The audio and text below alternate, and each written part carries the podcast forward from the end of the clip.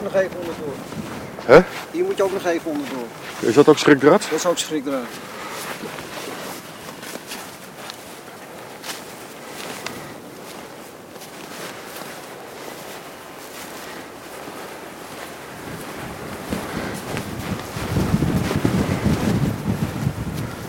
Het is december. En dit is Schiermonnikoog.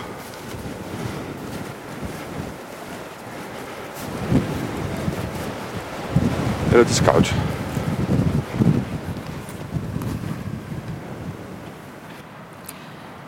Het meest besproken onderwerp van het afgelopen jaar. Het weer. De hevige neerslag, de ondergelopen weilanden, de ramp in Midden-Amerika, de slechte zomer, het verschijnsel El Niño, het feit dat we de schaatsen dit jaar niet konden onderbinden. Al deze dingen waren weer goed voor talloze gesprekken en speculaties. Veel mensen hebben het gevoel dat het klimaat, met name de laatste twintig jaar, aan het veranderen is. Maar is dat ook zo? En zo ja, waardoor komt dat dan? De RVU hield een enquête onder de 150 leden van de Tweede Kamer en vroeg het aan weerman Erwin Krol, geoloog professor Priem, KNMI-onderzoeker Fons Bade en professor Vugts, hoogleraar meteorologie aan de Vrije Universiteit in Amsterdam. Om iets over ons klimaat te kunnen zeggen, moeten er metingen worden verricht. Dat gebeurt overal in de wereld sinds 1861 door weerstations. Verspreid over Nederland staan op tientallen locaties grotere en kleinere weerstations opgesteld. Zo ook op Schiermonnikoog. Dit kleine station wordt onderhouden door professor Vugts. Weerstation wat al eh, 27 jaar eh, vrijwel continu draait. We zijn ermee begonnen in 71.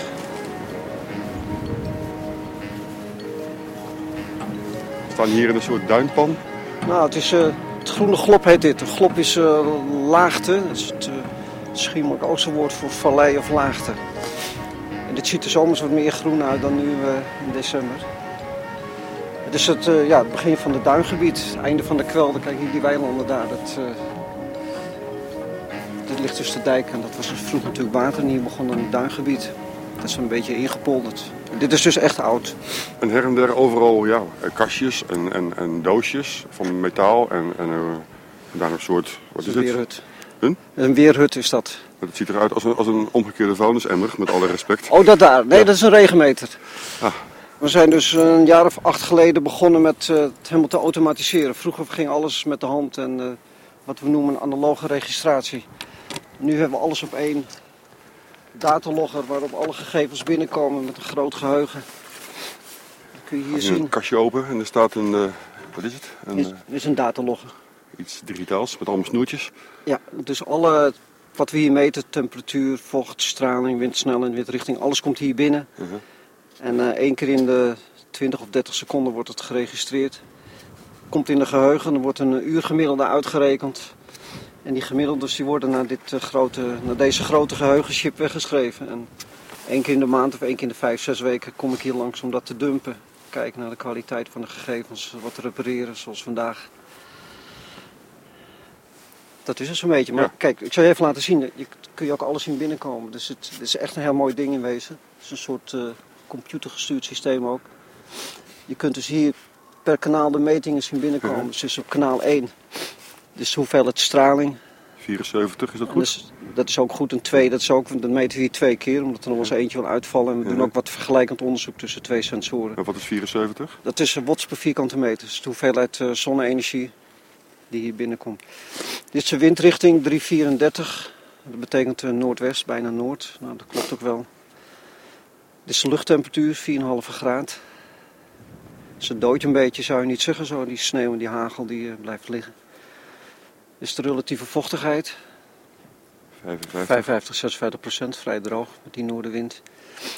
Dit is de bodemtemperatuur op een paar centimeter diepte, dus ook rond de 4 graden. Lucht en bodem zullen nu ongeveer hetzelfde zijn. Nou, dat, als je dit ziet allemaal negens, is het teken dat er stuk is. Er is een sensor op eh, 20 centimeter diepte die eh, stuk is. Dit is op 50 centimeter diepte, die doet het ook. En deze is op een meter diepte, dat is 11 graden. Mhm.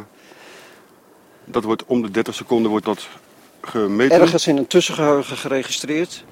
En na een uur gaat hij al die getallen optellen en dan rekent hij gemiddeld uit of de standaarddeviatie. Dat gaat naar een eh, centraal En geheugen. dan gaat het naar een centraal geheugen, die waarden. En dat 27 jaar lang. Ja. Nu. Nu. Knap hè? Ja. Ja. Dus uitrekenen hoeveel getallen of dat zijn, daar word je helemaal ziek van. Ehm, Want die getallen die zijn dan handig om met elkaar te vergelijken. Of wat ga je er dan mee doen? moet in heel Nederland gewoon gemeten worden. Kijken wat de variabiliteit is van al die elementen. En dat is op een Waddeneiland ook weer iets anders dan, eh, dan midden in Nederland. Maar je moet gewoon, zoals het KNMI nu al een reeks van bijna 300 jaar heeft. Daar kun je dus echt gaan kijken naar eh, mogelijke klimaatverandering. Dus eh, hebben we nu te maken met een schommeling dat het wat warmer is? Of is er echt een verandering aan de gang? Nou was er ook iets eh, stuk hè? Ja, ja, het is met die automatische stations en die gevoelige elektronica. Dus, ruim een maand geleden is er weer een blikseminslag geweest hier ergens en dan komt het op het net. En eh, ja, die elektronica is zo gevoelig, dus er was een zonnescheensensor was een stuk, een druksensor was een stuk. Was er weer gemaakt. Eh, Ik heb, gisteren heb ik wat gedaan, maar ik ben nog niet helemaal klaar. Dus misschien kunnen we straks nog even, ik moet nog een paar draadjes aansluiten en dan, eh, Laten we dat eerst even doen. ja? Ja. Dan moeten we naar dat lage kastje daar. Het weer, hier is Erwin Krol. Eén droge dag en daarna krijgen we opnieuw regen. En ik zeg opnieuw omdat we in het verleden al zoveel regen hebben gehad. Dit is wat er de afgelopen 24 uur gebeurde. Vandaag neerslag. Ik ben Erwin Krol. eh, nou, hoe zal ik dat zeggen? Weerman bij de NOS Journaal. Het ergste is eh, als je met hele grote verschillen. Hè, als ik zeg, nou, morgen wordt... Ik kan mij nog een aantal weken geleden herinneren, ook notabene op zondag...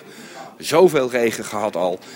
Dus het was ergens in oktober. En nee hoor, dat weekende zou het droog worden. En zaterdag lukte heel aardig. En zondag zou het pas om zes uur of zo gaan regenen. En het ging zes uur eerder regenen. En ik liep zelf in de dierentuin van Amersfoort al- als een verzopen kat. En er kwamen nog andere mensen op mij af. En die zeiden, jij hebt dit ons aangedaan. Ik zeg maar, ik ben zelf ook slachtoffer. Nou, toen vonden ze het ook wel heel erg voor mij persoonlijk, geloof ik. Dus ik ben niet gelyncht, maar grandioze misser. Ja, ja, ja, ja. Daar bied ik ook mijn excuses voor aan de volgende dag. Want dat kan echt niet. Dat kan niet. Dat gebeurt een paar keer per jaar. Dat kan niet, vind ik. En het erge is dat mensen geloven in mij. Hè? Als ik zeg dat de zon gaat schijnen, hoort die zon te gaan schijnen. Niet omdat ik zo arrogant ben, maar omdat ik dat iemand heb beloofd. Nou, dan moet, ik vind wat ik beloof moet ik doen. Ik ben eh, Harry Priem, hoogleraar in de planetaire geologie in Utrecht. Conservator van het Arctisch Museum. En science coordinator van de Global Institute for the Study of Natural Resources in Den Haag. Klimaat is iets eh, waar de gehele aarde bij betrokken is. Dus zowel de, eh, alles aan het oppervlak uiteraard. Maar niet alleen de aarde, ook de zon en eh, de interactie tussen zon en aarde. En het is een misverstand om te menen dat het klimaat iets heel eh, stationairs is. De hele geologische geschiedenis door is het klimaat voortdurend aan het veranderen binnen beperkte grenzen. Er is een, de, de gemiddelde temperatuur aan het aardoppervlak kan wisselen en regionaal kan het nog veel meer fluctueren, de temperatuur. We hebben hier uiteindelijk in Nederland ook ijstijden gehad en alles. Maar de gemiddelde temperatuur op aarde fluctueert, maar altijd binnen toch zeer beperkte grenzen. En dat is vanuit het standpunt van de planetaire geologie toch iets eh, bijzonders, omdat dat de aarde kans heeft gezien, ondanks het feit dat de zon in de loop van de geschiedenis steeds warmer is geworden, eh, dat de aarde toch altijd kans heeft gezien de temperatuur aan het aardoppervlak binnen een heel beperkte bandbreedte te houden. De bandbreedte waarin vloeibaar water kan bestaan, op oppervlaktewater. En het hoeft niet over de hele aarde, er kunnen wel ijskappen zijn, maar vloeibaar oppervlaktewater kan bestaan en waardoor leven kan bestaan. En eh, ja, dat is een zelfregulerend systeem van de aarde. We noemen dat wel de aardse thermostaat. Eh, die, eh, ja, net als een centrale verwarming in huis, als het eh, warmer wordt, dan schakelt het schakelaartje op een gegeven moment uit. En dan gaat de verwarming uit, dan wordt het weer wat kouder. En als het dan weer wat koud, te koud is geworden, dan schakelt hij weer in. Ja, op een dergelijke, nou ja, niet op een dergelijke manier, maar op een analoge wijze zorgt het systeem aarde ervoor dat de temperatuur, de gemiddelde temperatuur aan het aardoppervlak, steeds binnen die beperkte grenzen blijft. Dus u zegt het klimaat verandert, maar dat is op zich niks bijzonders. Dat is niks bijzonders. Dat We hoort zo eigenlijk. Ja, als u alleen al in de laatste paar honderd jaar in Nederland kijkt, we hebben hier in de, rond eh, eind, 16, eh, eind 17e eeuw de, de kleine ijstijd gehad. Toen was het eh, een forse hoop kouder hier in Nederland. We hebben warmere perioden gehad. Ook op de, sinds de laatste ijstijd hebben we een aantal periodes die, die we heel goed in de geologische geschiedenis kunnen reconstrueren. Dat het eh, soms een paar graden warmer was, in ieder geval op onze breedtegraden, maar ook weer worldwide. En soms was het weer wat kouder. En eh, ja, dit soort veranderingen kan heel snel gaan. Het klimaat is een zelfregulerend systeem. Maar in dit jaar, 1998, liet het weer duidelijke sporen achter door extreme neerslaghoeveelheden. 7 mei. In Zuid-Italië wordt Sarno na langdurige regenval door een modderstroom overspoeld. Ruim 130 mensen verliezen daarbij het leven. 9 juli. In Zuid-China hebben na langdurige regen overstromingen het leven gekost aan 400 mensen. Vele tienduizenden zijn dakloos geworden. 4 augustus. Door hevige regenval in China staan de dijken van de Yangtze op 230 plaatsen op springen. Miljoenen worden bedreigd. 1 september. Bangladesh staat grotendeels blank na enorme regenval. Duizend mensen komen om en miljoenen verliezen hun woning. 14 september. Zware regenval veroorzaakt vooral in Zuidwest-Nederland wateroverlast. In het Westland staan veel kassen blank. 28 oktober. Noord- en Oost-Nederland kampen met wateroverlast na slagregens en storm. De gemalen kunnen de vloed niet aan. Boeren en tuinders lijden een miljoenenschade. Het schijnt niks te maken te hebben met El Nino. Gewoon een enorme bak regen. Kan gebeuren, maar de overlast is ongelooflijk groot. Ondergelopen huizen, landerijen, mannen met zandzakken. Het was het warmste jaar van deze eeuw, zijn we inmiddels eh, achtergekomen. En ehm, het, was, eh, het was in ieder geval ook het natste jaar van deze eeuw. En dat zijn dingen die, kijk, dat het het warmste jaar is, daar kan ik me eigenlijk niet goed iets van herinneren. Ik denk dat heel veel mensen ook zullen zeggen van, wat een flauwekul, we hebben een verpeste zomer gehad en, eh, enzovoorts. Dus ik denk dat dat ook niet echt, echt spreekt tot de verbeelding. Maar dat het een natste jaar was wel natuurlijk, want een natte zomer en een nat najaar. Alles viel eigenlijk in duigen door het water. Dus eh waar overstromingen gehad, en dan heb ik het alleen nog maar over Nederland. Dus het was een nat jaar. Als ik nou kijk naar, naar Nederland en West-Europa bijvoorbeeld. En je kijkt vanaf de middeleeuwen tot nu, van iets voor de middeleeuwen tot nu. Daar weten we wel het een en ander van. Dus dan kun je kijken wat er is gebeurd. Nou, in de middeleeuwen was het gemiddeld wat warmer dan het eh, in eh, deze eeuw is geweest. In de 17e eeuw was het juist gemiddeld wat kouder. Er waren meer strenge winters. We hebben prachtige schilderijen aan overgehouden. Hè? Die Nederlandse landschapmeester bestaan voor een groot gedeelte uit winterlandschappen. Niet omdat het zo mooie zomers waren, maar omdat het van die strenge winters waren. Dus die, eh, die mensen schilderden wat ze zagen. Dus, en in die periode is het dus wat kouder geweest dan deze eeuw. En deze eeuw wordt het geleidelijk aan iets warmer. Maar voor mij is het hetzelfde klimaat. Het is hetzelfde zeeklimaat geweest. Maar we zitten toch met een probleem en dat is dat we bezig zijn om, ehm, ik zeg, de hele balans, de stralingsbalans zoals dat dan technisch heet, de balans eh, van de energie binnen het klimaatsysteem te verstoren. En dat het klimaat wel zal moeten reageren. En de algemene verwachting is toch dat laten we zeggen, de komende eeuw daar de gevolgen van zullen zien in, in de vorm van eh, eh, veranderingen van de temperatuur, zeespiegelstijging, ehm, die voor een deel helemaal nog niet goed voorspelbaar zijn, maar die wel een, een risico met zich meedragen. Ik ben eh Fons Bade.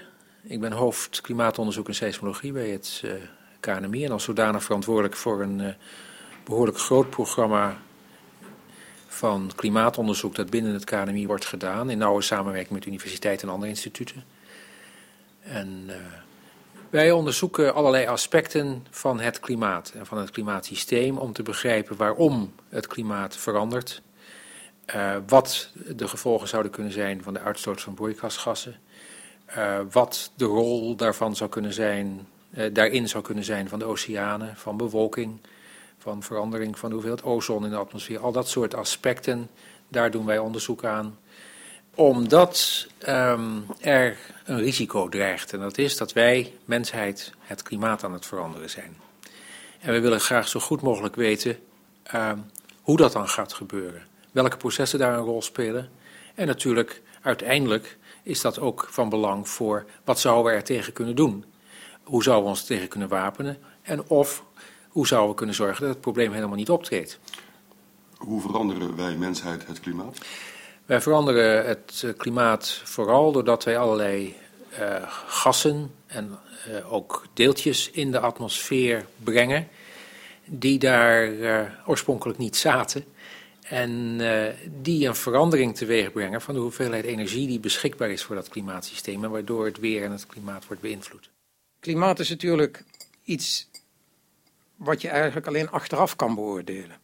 Geoloog professor Priem. Je hebt de kortstondige fluctuaties, die zeggen op zichzelf niks. Uh, klimaat is iets, een, het gemiddelde van temperatuur, neerslag, bijzondere weersomstandigheden zoals stormen en, en, al dat soort zaken. Maar dan de gemiddelde van over een langere periode. Nee, meestal neemt men 30 jaar. En dat schuift dus zo op. Dus als je wilt zeggen, is het klimaat veranderd, dan kun je dan moet je de voorgaande 30 jaar vergelijken met de daarvoorgaande 30 jaar. Dus je kunt het niet op zulke korte termijn doen. Uh, dan praten we over weer. Hè? Het weer verandert nog veel sterker, fluctueert nog veel sterker. Maar het klimaat, dat is een gemiddelde over een langere periode van alles wat met weer te maken heeft.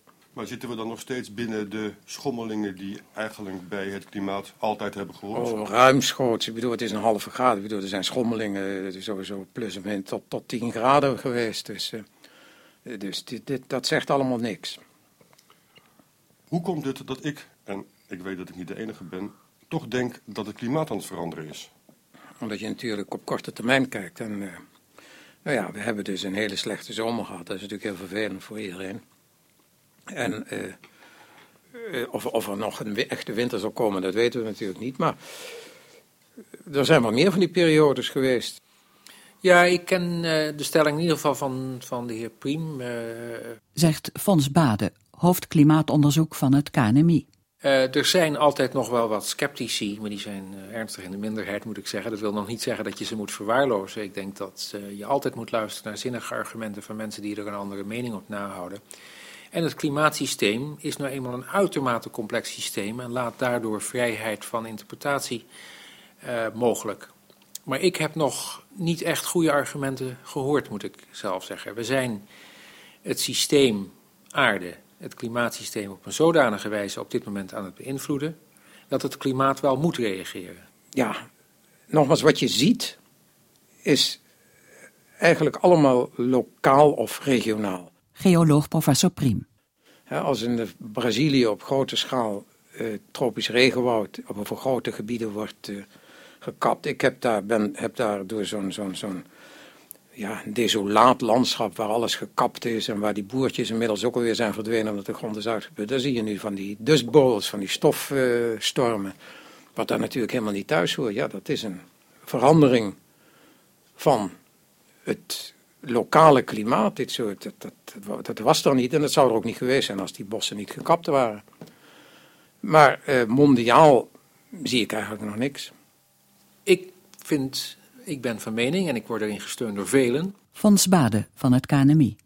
Uh, dat wij, laat ik zeggen, de komende eeuw een behoorlijke kans lopen dat de temperatuur een aantal graden zal gaan stijgen wereldwijd. En dat klinkt allemaal nog niet zo dramatisch, maar dat kan lokaal tot serieuze effecten leiden. Het zou bijvoorbeeld kunnen zijn dat er gebieden in deze wereld zijn die op dit moment voldoende neerslag hebben voor eh, landbouw, dat die enorm onder stress komen te staan door vermindering van de hoeveelheid neerslag. Vaak gaat dat nog samen met andere milieuproblemen.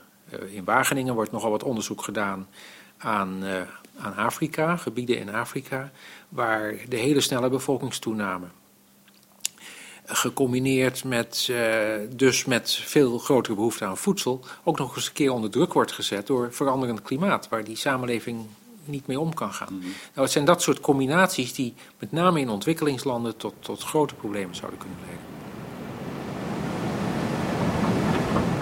Deskundigen zijn het er niet over eens. Verandert het klimaat nu wel of niet? Niks aan de hand, zegt de geoloog. Klimaat schommelt altijd en we zitten ruimschoots tussen de marges. Wel wat aan de hand, zegt de KNMI-onderzoeker. Het jaar 1998 was wereldwijd recordwarm.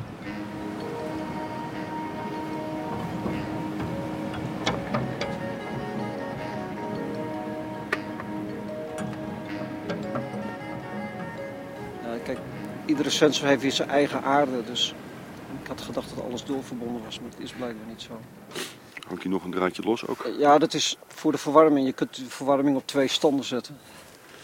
Dat ding, als Ja. anders komt de dauw op het glas. Dus eens even kijken hoor. Dan zit ik ook nog het verkeerde schroefje te draaien. Een beetje kippig aan het worden.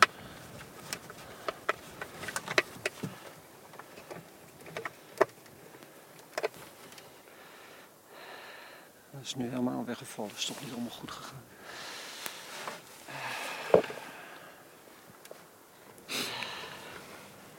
Ja, dit ziet er goed uit. Een blauw draadje. De blauwe is de echte aarde en die andere dat was eh, de afscherming. En die schroeven meestal ook in de aarde vast, maar als we die maar laten zweven. Maar zo'n blikseminslag, ik heb dat nou al vier keer gehad en dat, eh, dat is altijd een forse schade. Dat, Mhm. dat is zo'n van die gemene dingetjes. Doet hij nou weer? Ja, hij wijst iets aan. Hij wijst iets aan. Hij wijst iets aan, het is het gevaar, hè? hij wijst iets aan. Dus dat is dan een van de dingen die studenten moeten leren. Hij wijst iets aan, dus is het getal dat hij aanwijst, is dat een beetje zinvol. Maar hij, begon, hij begon op 2 en dan staat nu ineens op 16. Ja, omdat hij, hij meet iedere 20 seconden. Dus had een gedeelte van die vorige 20 seconden. Had hij, en nu heeft hij de echte cyclus. Oh, kijk. En 16, dat zou. eh, de straling is erg laag, maar we moeten het er maar eens even afwachten. Wat mij betreft eh, kan die weer dicht. Ja, valt weinig aan te zien.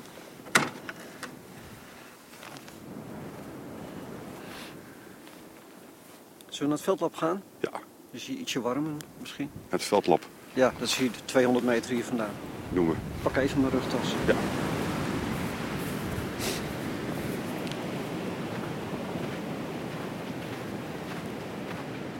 Slecht weer bestaat niet. Hè? Dat is, nee, dat is een waardeoordeel. Dat mag ik nooit geven.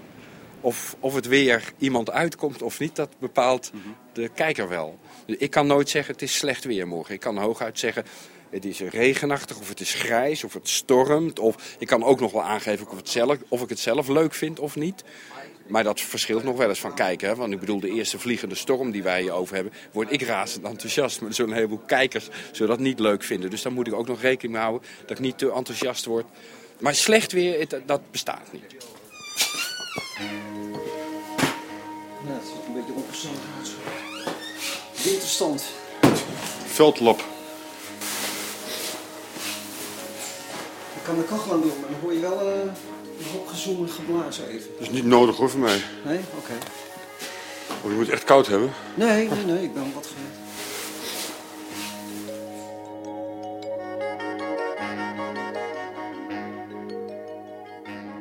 De RWU heeft in nauw overleg met meteoroloog professor Vurts aan de 150 Kamerleden drie vragen over het klimaat voorgelegd.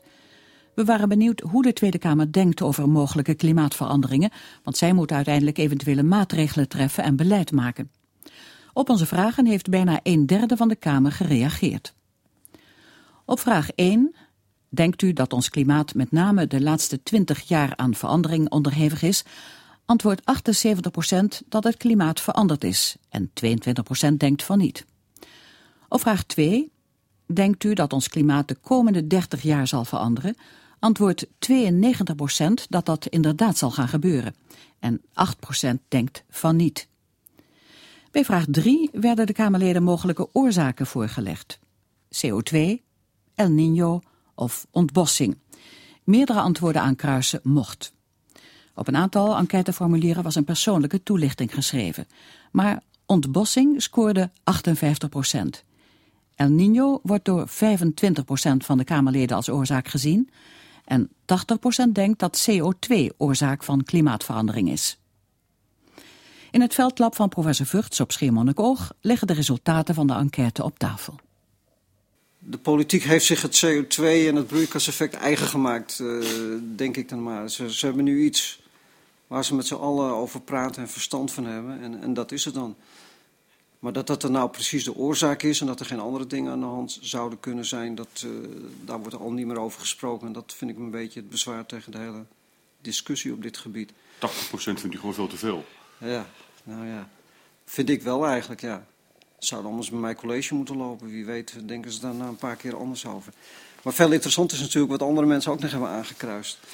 El Nino, hè, dat zou ook een uh, klimaatverandering tot stand hebben kunnen gebracht. Heb je daar een percentage van? Een kwart, 25 procent. Ongelooflijk. Want? De invloed van El Nino in Nederland is niet te merken.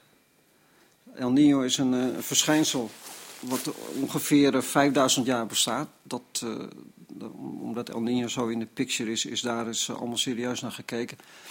Uit, uh, uit sediment karakteristiek uh, heeft men kunnen halen dat El Nino ongeveer 5000 jaar bestaat. En pas de laatste 80 of 100 jaar wordt er echt goed naar gekeken. Hebben we daar ook betrouwbare getallen over. El Nino is een verschijnsel wat komt en wat gaat, waar we niets aan kunnen doen. Het is, uh, het is een, een, verwarming van het uh, kustwater voor Peru. Wat tussen de twee en de vier jaar komt en dan weer verdwijnt. En dat, uh, dat heeft niks met klimaatverandering te maken. Dat is dan gewoon wat ik zou noemen een, een schommeling van het klimaat. Een natuurlijke schommeling, voor zover we het nu kunnen zien. Het, het, is gewoon, het is er.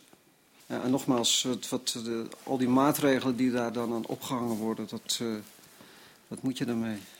Nou, eens even kijken. Dit is iemand die erover nagedacht heeft. Die heeft ook twee keer nee ingevuld. En er wordt bijgeschreven, ik geloof niet dat er een klimaatverandering plaatsvindt. Met een D. Hoe vind je dat? Er vindt iets plaats. Het zou met DT moeten, maar goed, daar gaat het vandaag niet om.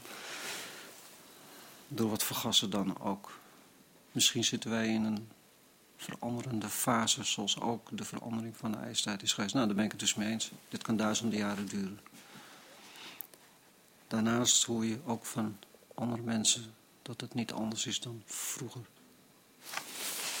Vroeger, eh, 130 jaar geleden, is ook een hele natte september maand geweest, of een natte novembermaand. En 1965 en 1966 zijn twee hele natte jaren achter elkaar geweest, ook vrij extreem.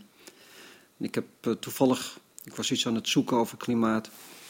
Als je in de literatuur kijkt van de jaren 60, de, de populaire literatuur, dan zie je gewoon dat iedereen klaagt over de slechte zomers. De jaren 60 die waren allemaal jaren met, met slechte zomers. Uh, de mensen herinneren zich nou, alleen maar extreem. Dat is zo'n koude winter van 84, 85. Een hete zomer, 72. De mooiste zomer is trouwens van 1947. Die staat nog steeds bovenaan. En dat is al 50 jaar geleden, dus dat het nog allemaal zoveel warm wordt. De hele discussie is nog de laatste opmerking, is volgens mij zwaar overtrokken. Nou, dat vind ik een goede, die houden we apart. Nou hoort deze bij, hè? Oh ja.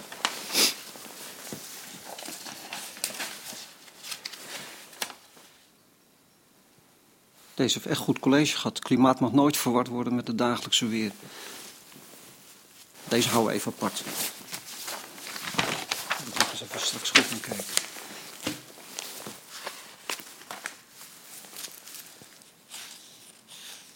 Dus even kijken, dit is een nee en een ja. Toch raar dat je op de eerste vraag nee zegt dat de laatste 20 jaar geen verandering is en de komende 30 jaar wel een verandering verwacht. Alsof het nu pas zou gaan gebeuren. In principe is het wel een punt, hè? die CO2 is gaan stijgen en, uh, en de vraag is eigenlijk daar hebben we het ook nog niet over gehad. Hoe snel reageert het klimaat erop? Als morgen de temperatuur omhoog gaat, is niet overmorgen Groenland afgesmolten. Er zit gewoon een, eh, een, zekere vertraging in, een relaxatietijd of zo. Dus het is, uh, er is ook nog maar weinig over bekend hoe snel nou de verhoging van de CO2-gehalte in de atmosfeer meteen merkbaar zou kunnen zijn op de temperatuur. Of dat nou binnen een dag gebeurt of binnen een jaar. Of... Dus een nee en een ja, weer een. Het klimaat is de laatste 20 jaar niet veranderd. De komende 30 jaar zal het wel veranderen. Misschien toch een millennium uh, probleem. Het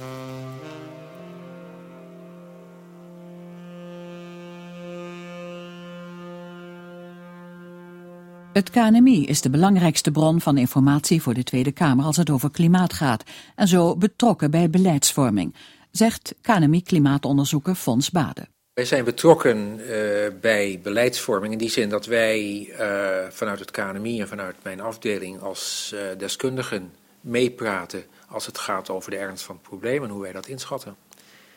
We hebben een wetenschappelijke houding vanuit onze wetenschappelijke kennis, maar natuurlijk wel de kennis van een overheidsinstituut dat er mede is om het beleid in Nederland vorm te geven. Eén manier is het zogenaamde voorzorgsprincipe, waarbij je zegt van nou, het is een hartstikke ingewikkeld probleem. We weten nog niet precies wat er gaat gebeuren, met name niet op, op de schaal van Nederland of Europa.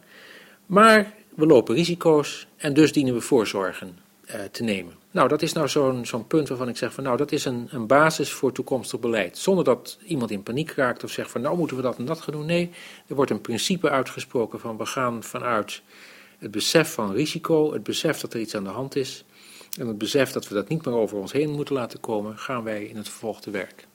De voorlichting van de overheid naar de bevolking, u en ik, vindt vaak plaats via de Postbus 51 spotjes op radio en televisie. Door een toename van CO2 in de atmosfeer warmt de aarde op. Dat noemen we broeikasgevaar. En we kunnen het bestrijden door minder energie te gebruiken. Zet de knop om tegen het broeikasgevaar. Wilt u meer informatie over energiebesparing en broeikasgevaar? Bel dan 0800 8051 en vraag de gratis folder aan. Net zoals dat spotje dat je die brandende kaart ziet uitgaan en dan staat er onder broeikaseffect levensgevaarlijk of zoiets. Natuurlijk, de energie raakt op. En daar moet je wat aan doen, maar dan moet niet meteen weer het hele broeikaseffect vastgeknapt worden. Het is gewoon een beetje oneerlijk. Mensen een beetje bang maken of zo. Natuurlijk, we moeten gewoon zorgvuldig met onze bron omgaan, maar dat is heel wat anders. Door een toename van CO2 in de atmosfeer warmt de aarde op. Dat noemen we broeikasgevaar. Wat ik van de inhoud vind, ik vind het prima wat ze doen. Ik persoonlijk vind dat je veel principiëler moet zijn dan wat er nu gebeurt. Wat de met name de politiek natuurlijk de afgelopen 15 jaar heeft gedaan. Dat is een item eruit lichten. En dat doen ze natuurlijk gevoed door de wetenschap. En vervolgens gaan ze dat toelichten en gaan ze mensen, weet ik veel, een beetje bang maken met, uh, met datgene wat er allemaal kan gebeuren. Nou, als dat de enige methode is om mensen zelf bewust te maken, oké, dan moet dat maar zo.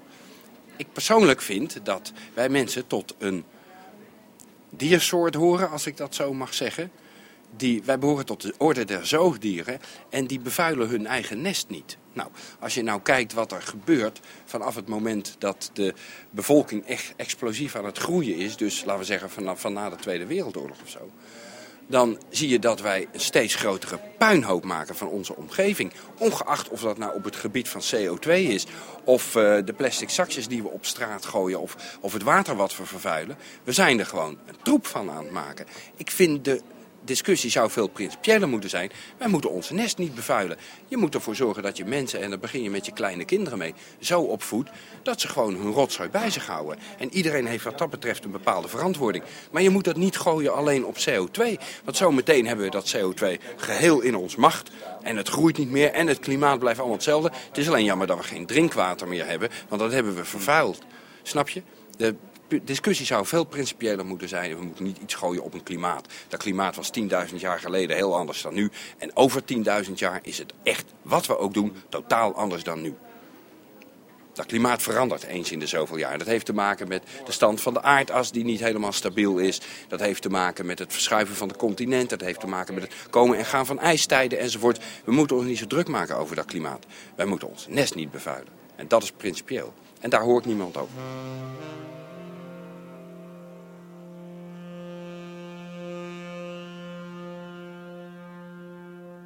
De postbus 51-spotjes lichten niet goed voor, vinden meteoroloog professor Vurts en weerman Erwin Krol. Het KNMI, indirect medeverantwoordelijk voor het klimaatbeleid van de overheid, legt de kritiek op de spotjes terzijde. Klimaatonderzoeker Fons Bade.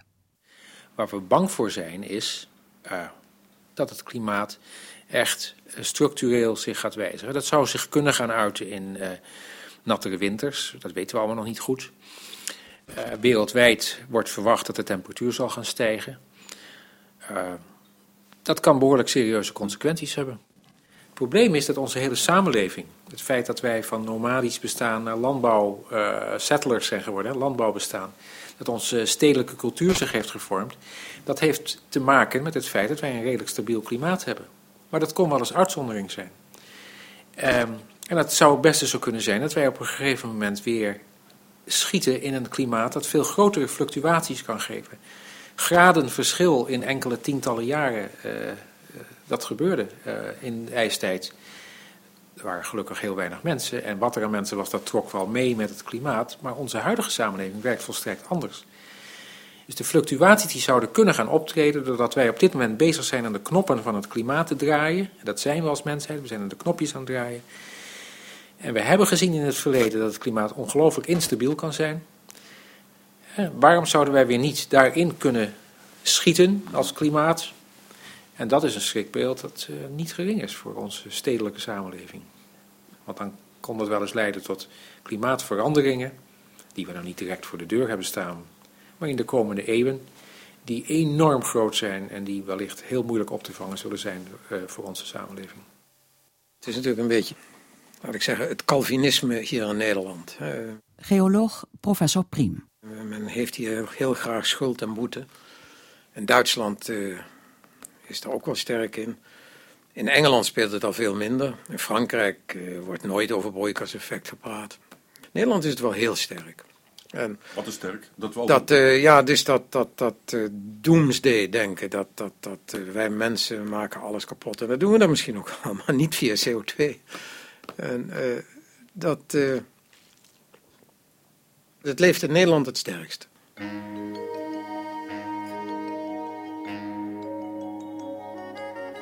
De eerste indruk is toch een beetje teleurstellend dat, dat het CO2 en waardoor een versterkt broeikaseffect optreedt, dat het uh, voor 80% scoort. Meteoroloog professor Vugts. ja, het, het, is dus een proces dat, dat is in gang gezet het hele beleid is er uh, zo mee verstrengeld geraakt. Het bezwaar van wetenschappers is eigenlijk dat de politiek heeft zich het broeikaseffect een beetje eigen gemaakt. Er is nu een item gevonden waar iedereen blijkbaar verstand van heeft. We gaan maatregelen nemen en die maatregelen die zijn best ingrijpend. De, de minister wil nogal wat bereiken. Als we nou deze antwoorden zo zien, hebben we er dan vertrouwen in? Of heeft u er vertrouwen in? Waarin? In dat, het, uh, dat er kennis van zaken is ik ben daar niet zo optimistisch over. Ik, uh, ik kan me ook wel voorstellen dat, uh, dat niet alle Tweede Kamerleden... Je moet toch een beetje een beta-opleiding gehad hebben. Dan begin ik maar weer toch maar van vooraf aan. Wat je ziet in de Tweede Kamer, ik geloof, is een paar jaar geleden nog eens een keer in de Volkskrant gestaan, de achtergrond van alle Tweede Kamerleden. Ik dacht dat er acht of negen mensen uit de bedhoek kwamen en de rest kwam allemaal uit de Alfhoek. Nou, dat is op zich helemaal niet zo erg, maar als je praat over klimaat en CO2 en over, over, over technische dingen en maatregelen en beleid, dan mag je ook best wel eens kijken van is het technisch haalbaar? Waar hebben we het over? Ik vind, ik vind wel dat je maatregelen moet nemen, absoluut. Maar dan zeg gewoon, we gaan te royaal met energie. Als je kijkt naar de totale uitstoot van CO2, wat de bijdrage van Nederland is, dan is het 1 of 2 procent. We staan op de 25e plaats van alle landen die uh, totaal, hè, wat Nederland als geheel uitzendt. Als je kijkt per inwoner, dat is wat eerlijker, dan staan we al op de achtste plaats. Dus wij, wij, wij gaan nogal royaal om met energie en verbruiken veel energie. Uiteindelijk zijn wij mensen met een gigantisch experiment bezig door op korte termijn het hele aardoppervlak te veranderen. Geoloog professor Priem. Sinds 1900 tot nu is de wereldbevolking van 2 naar 6 miljard gestegen. En die mensen gaan nog steeds hoger welzijnsniveau leven en uh, je zou kunnen zeggen, gelukkig dat nog maar een klein deel van de wereld in die, in die beter, hogere welzijn leeft. Want als de hele derde wereld ook nog meekomt, dan wordt het allemaal nog veel erger wat op zich. Maar de beïnvloeding van uh, het natuurlijke milieu door de mensen, ja, dat, dat gebeurt. En dat natuurlijke milieu, daar hoort het klimaat, de, de klimaat hoort daar ook bij. Ik zou ook niet weten hoe je dat stoppen moet. Wat is een serieus te nemen waarschuwing serieus te nemen waarschuwing. Als bijvoorbeeld op een gegeven moment, uh, en dan is het nog regionaal en niet mondiaal, als bijvoorbeeld uh, een verandering op zou treden in het patroon van een golfstroom. Waardoor uh, nou ja, ineens heel noord, het noordelijkste deel van Europa ineens onbewoonbaar zou kunnen worden. En we leven hier uiteindelijk in Noord-Europa bij de gratie van die golfstroom. Uh, dat zou het kunnen zijn, een grootschalig afsmelten van de ijskappen. Maar nogmaals, daar is nog helemaal niets van te merken, ondanks alles wat er wel eens beweerd wordt in, in, uh, in dat opzicht.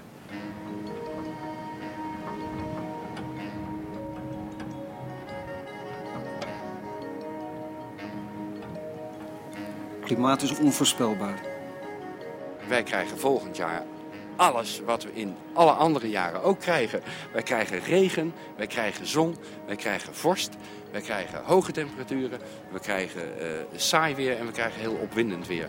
Met storm en hagel. En dat krijgen we allemaal volgend jaar. En weet je wat het mooie van het geheel is? Ik wens het iedereen ook toe. Want op het moment dat we echt serieus daarvan af gaan wijken, dan gaan mensen pas klagen.